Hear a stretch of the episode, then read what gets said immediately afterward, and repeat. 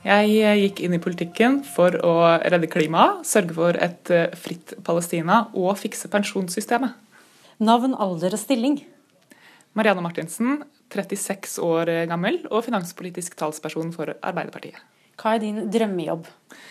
Min drømmejobb um, Jeg snakker ganske ofte med stefaren min om at vi har lyst til å kjøre brøytebil og spille country.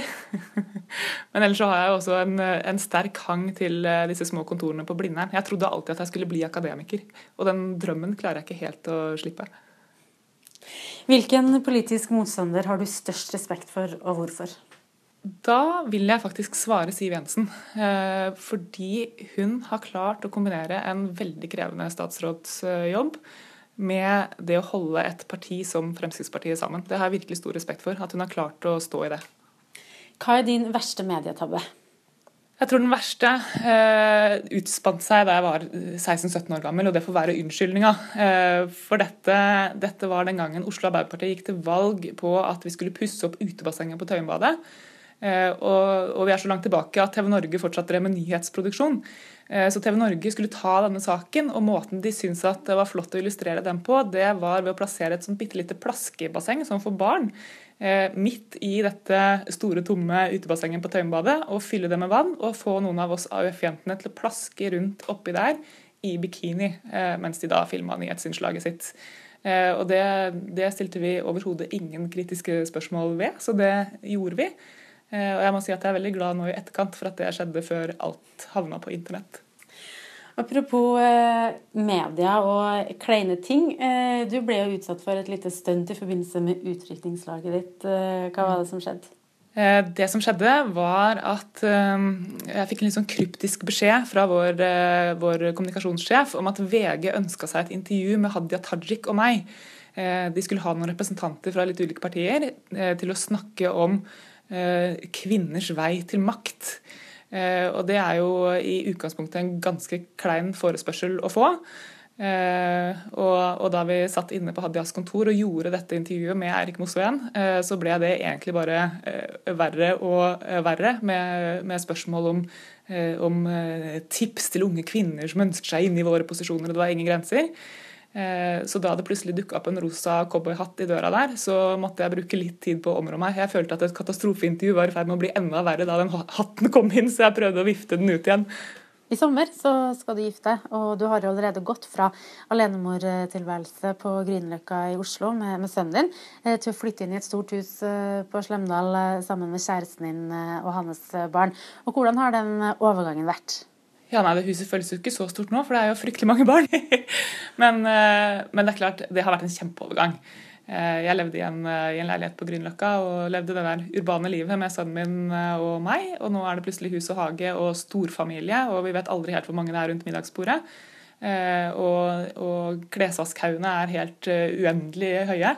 Eh, men, eh, men, jeg liker det. Jeg liker det veldig godt. Har lært meg å like det. Eh, og hvis man bare senker skuldrene litt og tenker at kaos er kaos, og det får jeg ikke gjort noe med, her er det bare å, å omfavne dagen, så, så, er det jo masse, masse fint med det. altså. Kaos er kaos. Klarer du å tenke sånn på jobb òg? Nei, det klarer jeg ikke. På jobb så må jeg ha orden. Jeg sitter jo med ansvaret for bl.a. Arbeiderpartiet sin budsjettprosess og skal ha våre alternative budsjetter til å gå i hop. Eh, og da er det ikke rom for noe særlig kaos. Da sitter jeg jo og koordinerer budsjettet for, eh, for hele stortingsgruppa. Snart eh, er det valgkamp. Gleder du deg?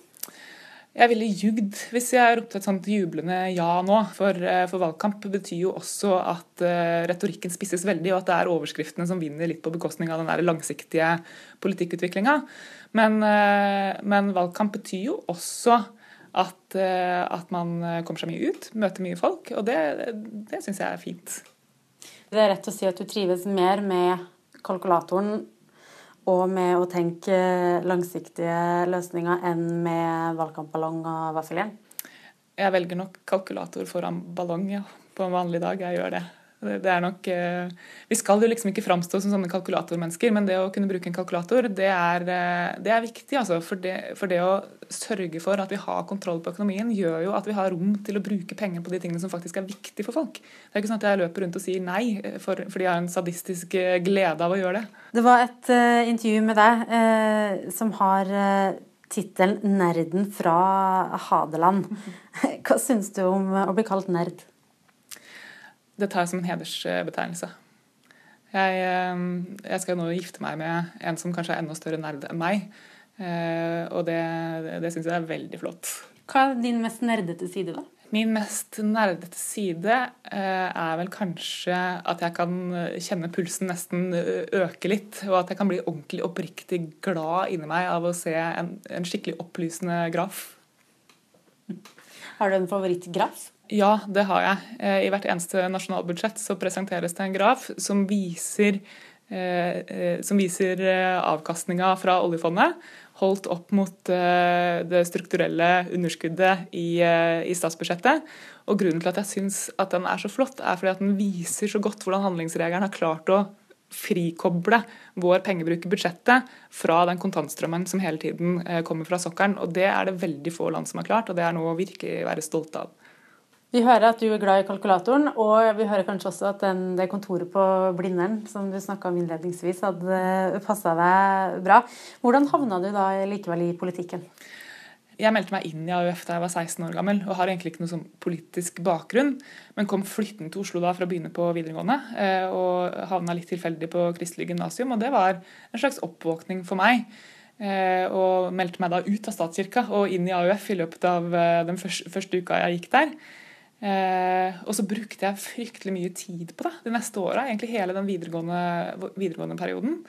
Eh, fordi jeg syntes det var så gøy. Og så ble jeg ansatt som fylkessekretær og fortsatte å bruke mye tid på AUF. Og så hadde jeg en periode hvor studiene tok litt overhånd, og hvor jeg, var, ja, hvor jeg trodde at det var akademiker jeg skulle bli. Eh, men da eh, var det rød-grønne prosjektet i ferd med å ta form. Eh, og vi nærma oss nominasjonsprosessene som skulle avgjøre hvem som skulle stå på stortingslista før 2005-valget. Eh, og Da spurte AUF eh, om jeg eh, var interessert i å stille som ungdomskandidat. Eh, og jeg likte godt det prosjektet som, som tok form den gangen, eh, og tenkte at det, dette har jeg egentlig lyst til å være med på. Hva var det som gjorde at du meldte deg ut av statskirka og inn i AUF da, i løpet av kort tid på Kristelig gymnas? Jeg fant vel kort og godt ut at jeg trodde på sosialdemokratiet og ikke på Gud. Du hadde jo ungdomstida di på, på Youngstorget. Hvordan har det prega deg? Det har prega meg på mange måter. Eh, det har prega meg personlig eh, på den måten at, eh, at, veldig mange av mine nære vennskap knytta jeg jo den gangen. Jeg brukte fryktelig mye av tida mi i, i, AUF. Ikke fordi at jeg hadde noen tanke om noen politisk karriere, egentlig, men fordi at det var et utrolig aktivt, spennende miljø. Og det å møte unge folk som er opptatt av det samme som deg sjøl, og særlig når jeg kom flyttende fra et helt annet sted, var kjempeviktig for meg. Eh, og så er det klart at, eh, at, det er en politisk skolering i det, selvfølgelig. Eh, og, og, noe av det du kanskje får med deg gjennom AUF, som ikke så mange andre får, det er at du blir fullstendig altså du mister full, fullstendig respekten for autoriteter. Og det kan være ganske nyttig. Er det noe du mente da, som du overhodet ikke mener nå? Um, skal vi se ja, det må det jo helt sikkert være. Men, men jeg var jo en nerd den gangen også, eh, som syntes at det var stas å lese Pensjonskommisjonen og sånn. Så det har, ikke, det har ikke vært en sånn veldig glidning i standpunkter. Eh, men jeg er nok f.eks. langt mer positiv til eh, karakterer på ungdomsskolen nå enn jeg var da. Men er, hvor gammel var du da da du leste om uh, satt deg inn i pensjonssystemet? Eh, og dette høres jo ikke bra ut, men jeg var kanskje 16-17 da. Jeg var oppriktig opptatt av det og ganske bekymra for hvordan dette skulle gå. Altså Hvordan skal det gå med meg og, og, min generasjon den dagen vi blir eh, pensjonister? Dette kommer jo ikke til å bære. Er du bekymra nå? Eh, jeg er fortsatt bekymra. Jeg er finanspolitiker, så jeg er alltid litt bekymra. Eh, men pensjonsreformen er jo den reformen som virkelig har bidratt til at, eh, at vi er eh, bedre rusta enn vi kunne ha vært. Eh, jeg så, så en SSB-analyse nå nettopp som, som sier at vi, at vi har spart flere titalls milliarder, og kanskje, kanskje, godt over 100 milliarder når vi kommer til 2040 på den reformen. Og, og det, dette handler jo om å ha et system som er bærekraftig, og som, som folk fortsetter å slutte opp om over skatteseddelen. Hva er det i ditt eget liv som har forma deg politisk og dine politiske synspunkter og standpunkter mest? Jeg tror nok jeg må svare eh, da at det å eh, tidlig oppleve å få et eh, multifunksjonshemma barn eh, som, som, døde etter ganske kort tid, eh, har eh, prega meg og måten jeg tenker på. Eh, og det har prega meg som politiker også. For jeg var jo ung og vant til å tenke på meg selv som en bidragsyter på alle vis. Og oppdaga plutselig hvor utrolig avhengig vi alle sammen er av at vi har et system rundt oss som fungerer når vi trenger det. Eh, og, det, og det har vaksinert meg mot å bruke sånne ord som de svakeste i samfunnet og de som sitter nederst ved bordet. Eh, for, det, for dette velferdssystemet vi har bygga opp sammen, handler ikke om å ta vare på en, eh, på en definert gruppe av de svakeste. Så Dette er vårt felles system. Og vi veksler litt på hvor ved bordet vi sitter i løpet av livet. Ja, For da måtte du også forholde deg til, Nav og det systemet som man kan tenke på som er for de svake? Ja, det måtte jeg. Eh, og, og, for å si det sånn, eh, noen av de menneskene man kanskje tenker på som de, de svakeste, eh, er muligens de sterkeste blant oss. De, det, det, krever mye eh, å stå i den type situasjoner. Du har vært på Stortinget i snart eh, tolv år, og nå søker du en ny periode. Hvorfor det? Det gjør jeg fordi vi er ikke ferdig. Det er, det er store ulåste oppgaver eh, enda, og det som eh, kanskje bekymrer meg aller, aller mest nå, det er det som foregår i det norske arbeidsmarkedet. Eh, nå ser vi at ledigheten går litt ned, og det er, det er isolert sett veldig bra. Men, men SSB bekrefta jo det vi har frykta en stund i den forrige konjunkturrapporten sin, hvor de skriver at hovedårsaken til at ledigheten går ned, er at størrelsen på arbeidsstyrken også minker. Eh, og Det betyr jo at det er flere som melder seg ut av arbeidsmarkedet, eller blir skjøvet ut av arbeidsmarkedet.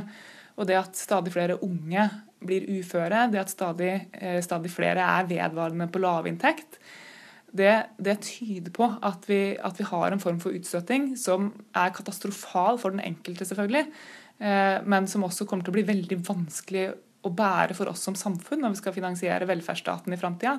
Og her må vi tenke nytt. Vi er nødt til å klare å, å løse opp i den gordiske knuta der.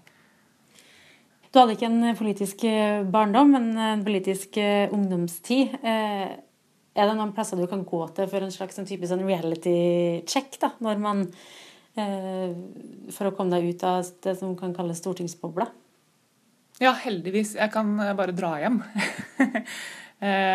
For hjemme så er vi mest opptatt av hva vi skal ha til middag og Eh, og kjøring og henting av unger og den logistikken og alt det som skal få hverdagen til å gå opp. Og så har jeg alltid brukt eh, mamma til å sjekke ut ting. Mamma eh, jobber som hjelpepleier i Jevnaker kommune. Og er en veldig oppgående og flott dame, men hun lever ikke den samme bobla som jeg gjør. Og det å av og til enten tenke hva, hva tror mamma om det her, eller faktisk ringe til henne og spørre, det er kjempeviktig for meg. Hver politiker vi portretterer i sommer, blir bedt om å komme med sitt politiske slagord. Utstyrt med sprittusj og en stor hvit plakat har stortingskandidatene fått slått seg løs. Og hva de har funnet på av rim, spøk og alvor, det hører du på NRK P2 rundt kvart på åtte om morgenen nå i sommermånedene. Når Politisk kvarter er tilbake i sin vante form, dvs. Si den 7. august, så får du vite hvem som kåres til vinner av slagordkonkurransen. Og sjøl om Arbeiderpartiets Marianne Martinsen sier at hun ikke liker det når valgkampen blir for slagordprega, så har hun klart å komme opp med sitt bidrag til konkurransen. Mitt slagord er 'Gjør ansvarlig økonomisk politikk greit igjen'. Hvorfor har du skrevet det? Eh, det er et litt uh, forsøk på et eh, humoristisk ordspill, men det er ganske alvorlig ment også. Uh, for nå, uh, nå veit vi at oljepengefesten er slutt. Det har regjeringa sagt sjøl. Eh, og det som har foregått de siste åra med å eh, både kutte i statens inntekter og fortsette å øke utgiftene, det er ikke bærekraftig. Men eh, både Høyre og Fremskrittspartiet går til valg på å fortsette det ballet. Og da må vi ha noen som kan ta ansvar inn i regjeringskontorene.